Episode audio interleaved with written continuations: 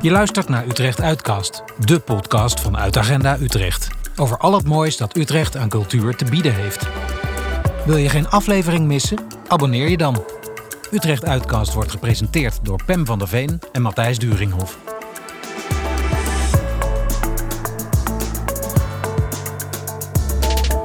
Voor De Bronzen Uil, de prijs voor het beste Nederlandstalige romandebuut, zijn dit jaar maar liefst drie Utrechtse schrijvers genomineerd.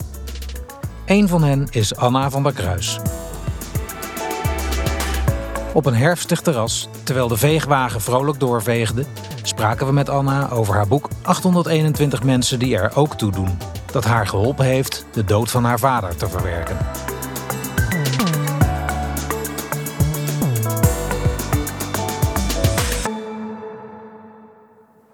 Uit het boek spreekt heel veel rouw en pijn. Er gaan echt best wel veel mensen dood in het boek. En er is de ene uitvaart na de ander. Ik, ja, nou, ik moet er nu om lachen, maar dat is wel ook uh, uit jouw leven gegrepen, heb ik begrepen. Ja, zeker. Ja, ik lach gewoon met je mee hoor. Dat, um... Ja, dat hoort erbij hè, bij het leven. Ik denk, um, uh, hoe ouder je wordt, hoe meer. Ik, ik ben begin 40 en ik heb de afgelopen jaren best wel uh, wat mensen om me heen verloren. En um, mijn uh, soort kernverlies of, ja, uh, was toen ik 29 was, toen ik mijn vader verloor.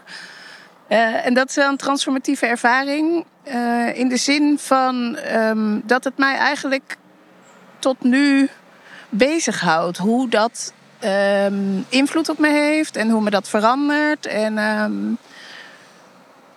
het is. Uh, ik vind het opvallend ook om me heen om te zien uh, hoe moeilijk het is om ermee om te gaan. En maar ook hoe divers het is hoe mensen ermee omgaan. Dus sommige mensen kunnen ontzettend goed opvangen wat ze overkomt. En hebben misschien uh, vrolijke genen ook of zo.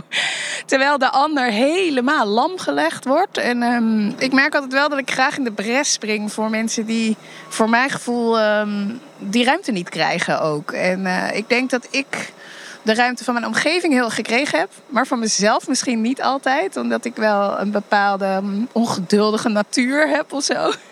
Dus ik, ik vind heel snel dat ik met dingen wel klaar moet zijn. Ook met de dood van je vader?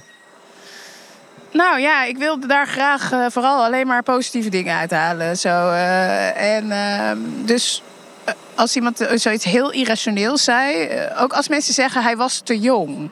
Hij was 59. Ik denk, ja, wat is te jong, weet je wel? We moeten op een gegeven moment allemaal een keertje gaan. En dus ik, dan ben ik iemand die zich daar heel rationeel tegen verzet. Uh, of als iemand zegt, waarom hebben ze die en die niet genomen? Weet je wel, denk ik, ja, zo werkt het gewoon niet of zo. Dus daar uh, vind ik geen troost in. Dat, dat is voor mij geen uitlaatklep. Dus ik ben meteen heel, heel uh, ja, rationeel. En, en dat betekent dan vaak ook dat het, dat het gevoel wat daaronder ligt en het verdriet. Um, dat daar wel moeilijk bij te komen is. Ik vond het echt moeilijk om daar vorm voor te vinden. Ik was dat gewoon echt allemaal aan het um, regelen. Weet je wel? Zo, uh, nou, uh, hij is er niet meer. Ik ga uh, mooie dingen maken, stichtingen oprichten.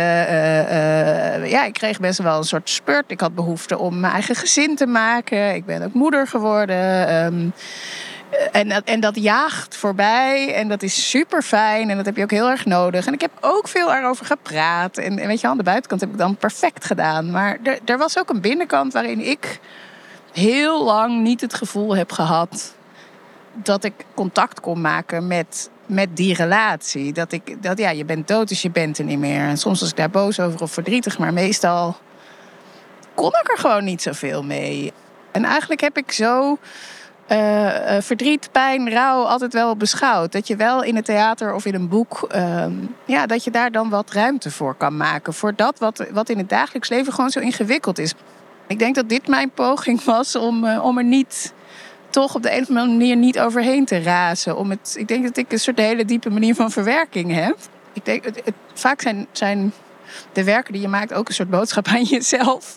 Maar ik denk dat deze boodschap wel, wel voor meer mensen geldt. Van, ja, neem je, neem je ruimte daar maar voor, weet je wel. Dit mag duren. Um, je hebt daarvoor wel eerst een soort van moeten instorten, toch? Ja, omdat ik eerst zo erg doorgegaan ben met allemaal nieuwe dingen optuigen, eh, kwam ik op een gegeven moment wel op een punt dat ik, dat ik het niet meer bijgestuurd kreeg. Ja, dat ik, eh, het was een optelsom. Ik denk dat, dat dat instorten altijd een optelsom is. Het is nooit één ding. Dus het heeft te maken met, met, met de stemmetjes die je in je hoofd hebt. Eh, niet goed genoeg, niet snel genoeg, niet uh, slim genoeg, weet ik veel. Dat soort dingen. met het idee, bij mij in ieder geval ook, dat ik heel erg anders moest zijn dan ik was. beter. Ehm, en dat is allemaal een soort buitenkant denken. Dus uh, ja, op een bepaald punt uh, was alles wat mij lukte, was geluk en per ongeluk of toeval. En alles wat bij mij mislukte, was mijn eigen schuld. En dat is denk ik wel, wel toch in mijn geval een teken van zelfs depressie geweest. Omdat je daarmee jezelf echt vastzet. en daar kom je aan die stem, kom je ook, daar kom je niet onderuit tenzij je daar echt, echt naar durft te kijken.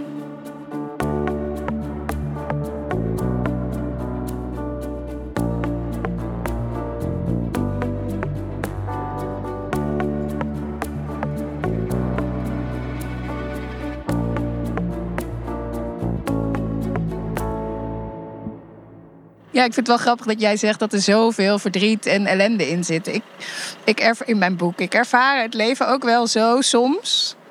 Ja, ik denk dat voor mij heb ik geprobeerd om daar wel evenwicht in te vinden en ook schoonheid. Weet je, om, om het er dus te mogen laten zijn zonder dat het dan een soort baksteen is. Jouw depressie, je depressie ja, kun je het een depressie noemen die jij had? Ja, die uitte zich vooral door geen stap meer voor de ander te kunnen krijgen. Nee, dat was het dus niet. Dat was dus het idee wat ik had over depressie. Ik dacht dus als je depressief bent, dan kun je de was niet meer ophangen. En dat had ik gevoeld. En toen dacht ik, en nu is het meteen klaar, want ik weet hoe ver dit kan gaan. Um, maar toen de psycholoog tegen mij zei: Jij mag eh, komend jaar iedere week komen, dacht ik wel echt: Hè, hoezo? Weet je wel? Ik heb het toch allemaal voor, de, voor elkaar. Uh, Um, dus ik was wel hoog functionerend. Ik had geen schulden. Ik had al mijn vrienden nog. een gezin, een geliefde. Uh, ook, ook voldoende geluksmomenten, weet je wel. Dus ook daarin vind ik het wel interessant dat ook mijn beeld van depressie zelf. Uh, was inderdaad het klassieke beeld van iemand die eigenlijk helemaal niet meer leeft. Maar dat is zo'n uitzondering en die is er ook. Die zijn bed niet meer uitkomt. Ja, dat is er. Dat bestaat. Uh, en, en ik heb ook vriendinnen die echt daar zijn of zijn geweest. Uh, en, en, maar ja, de manier waarop ik het zelf ken is zo minimaal. Um, maar je kunt dus hoogfunctionerend depressief zijn. Ja, zeker. En je kunt dus ook eenzaam zijn met heel veel mensen om je heen. Dat soort dingen. En dat vind ik dus heel interessant. Dat het, dat het dus eigenlijk. Het gaat niet over die buitenkant. Ook zelf zie je een soort van alleen maar die buitenkant. Oh, als ik niet meer in mijn bed kan, ben ik depressief. Nee, als je de hele dag door tegen jezelf zegt: zie je wel, dit is je eigen schuld. En je gaat er toch niet komen. Hè? Dan zou het dus heel goed kunnen zijn dat je depressief bent. Het gaat over zelfcompassie. Het gaat over uh, inderdaad, in plaats van als we naar de ander kijken, durven naar jezelf te kijken en te blijven staan. En niet weg te lopen van de pijn die je hebt. Weet je, als soort. Die is er, die hoort erbij. Heeft het schrijven je geholpen bij beter worden? Ja, ik ben begonnen met schrijven aan dit boek uh, in de periode dat ik inderdaad nog uh, vol in therapie was. En, en ook echt voor mezelf. Niet met het idee een soort marketingstrategie. En uh, ik moet wel eerlijk zeggen dat ik wel al een redacteur achter me had. Dus dat de allereerste aanzet voor mijn boek is geweest iemand anders die zei: Jeetje, wat schrijf jij mooi. Ik zou je wel willen begeleiden. Dus ik wist, ik heb één iemand uit het veld die echt in me gelooft. En dat is niet mijn geliefde of mijn beste vriend. Of mijn ouders. Of, uh, hè. Um, dus ik had toen zoiets van: oké, uh, ik, dit is niet mijn eigen kasteel wat ik in mijn eentje zit te bouwen. En tegelijkertijd kan ik wel. Ja, ik heb mezelf echt gegund om maandenlang hieraan te klooien. Zonder dat dat van iemand anders was dan van mij. Het hielp wel dat sommige van de teksten in mijn boek ook al bestonden. Er zit ook werk in wat al tien jaar oud was. Dus wat ook al voor theater geschreven was. Of uh, wat al uh, gepubliceerd was. Dus dat vond ik wel prettig. Dat ik ergens al wel een beetje een bodem had van... oh ja, ik weet dat sommige dingen gewoon goed zijn of werken... of, uh, of al goedgekeurd door mijn omgeving. maar voor de rest dacht ik ik ga dit niet laten lezen. Ik, ik, was echt gewend om iedere halve pagina eh, te laten lezen aan iedereen die maar wilde. En te zeggen, wat vind je ervan? En bij dit was het echt nee. Dit is gewoon voor mezelf. En ook uh, het hele ritueel van het schrijven. Ik had toen uh, de sleutel van uh, de zolder van Fort Blauwkapel. Het was een tijdelijke situatie waarin de zolder eigenlijk ongebruikt was. En, dus ik mocht daar schrijven. En dan ging ik ook gewoon uh, aan wandelen en lunchen en even tien minuten liggen. Dingen die ik mezelf vroeger nooit gegund had, maar die gewoon ook moesten, omdat ik gewoon gas terug moest nemen. Ik kon echt maar vier uur per dag werken. En, en dit was een vrij grote investering, want hier verdiende ik natuurlijk nog niets mee.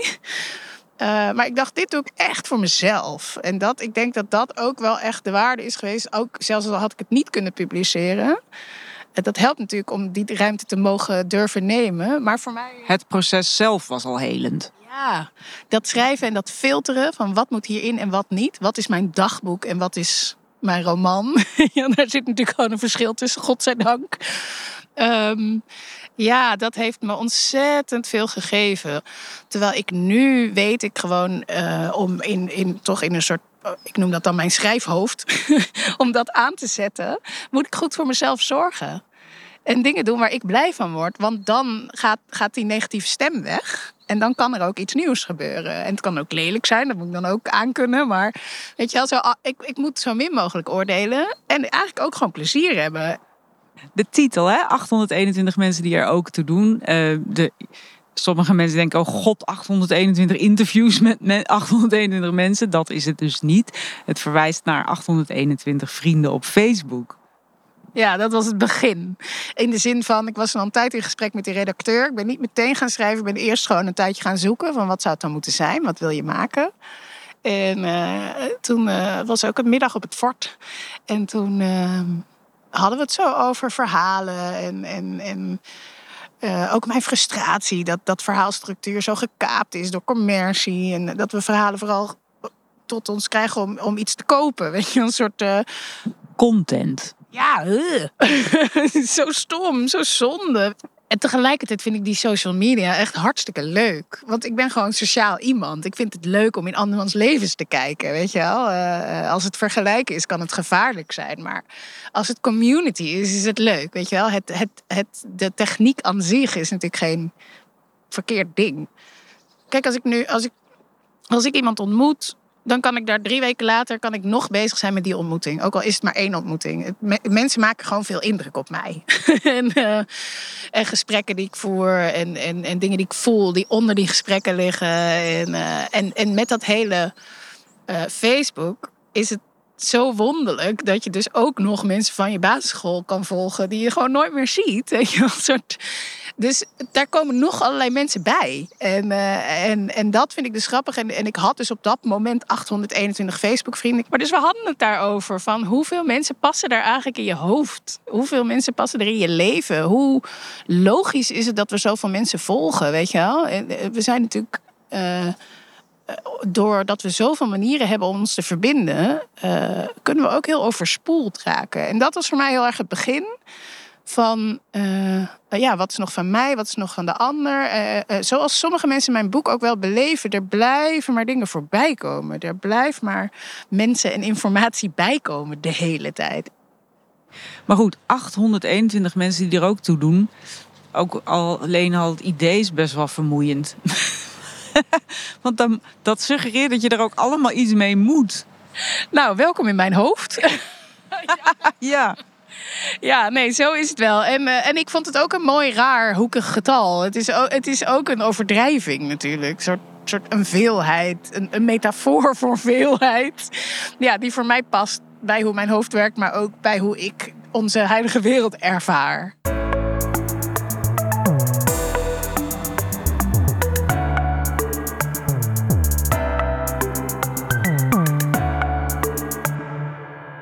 En hoe gaat het nu met je? Uh, ja, goed. Ik ben blij met mijn nominatie.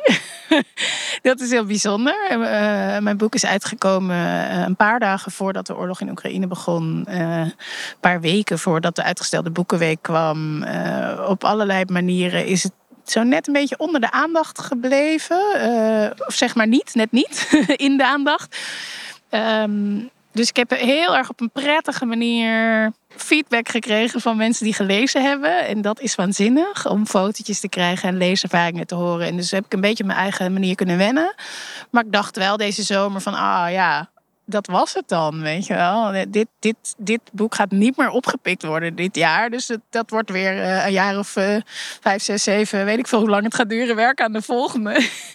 en op het moment dat ik dat uitsprak naar mijn redacteur, het was vrijdagmiddag. Toen kwam op maandagochtend het telefoontje. Je bent genomineerd, je bent een van de zes beste boeken, beste debuut, in het Nederlands taalgebied. Dus dat was voor mij wel een stretch van Um, nou, het is voorbij. Het gaat van de tafels in de boekhandels uh, naar het is opnieuw zichtbaar. En uh, nou ja, dat vind ik echt superleuk. Zou je wat fragmenten willen voorlezen? Fijn. Ja, ik twijfel wel, maar uh, ik ga toch maar gewoon voor uh, wat, wat zich aandient. Hè? haar adem zat hoog in haar borstkas. Haar hoofd raasde altijd verkeerd, nooit genoeg. Ze voelde dat ze iets moest doen om niet in deze draaikolk te verdwijnen. Je moet me vasthouden.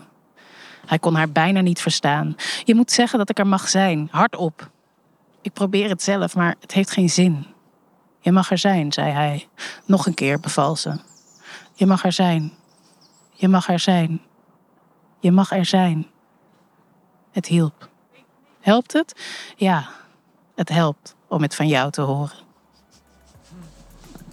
Dankjewel, Anna. En heel veel succes met de, de nominatie. Dankjewel.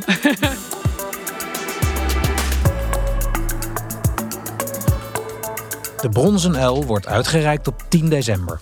De andere genomineerde Utrechtse schrijvers zijn Lisa Weda voor haar boek Alexandra en Nicky Dekkers voor haar roman Diep Diep Blauw. Koop ze bij je lokale boekhandel. Dit was Utrecht Uitcast, de podcast van Uitagenda Utrecht.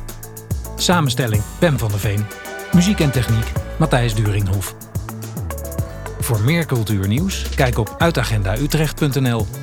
Heb je een vraag of reactie? Mail naar redactie@uitagendautrecht.nl. Volg ons op Facebook en Instagram en geef ons sterren of een recensie in je favoriete podcast-app. Bedankt voor het luisteren. Tot over twee weken.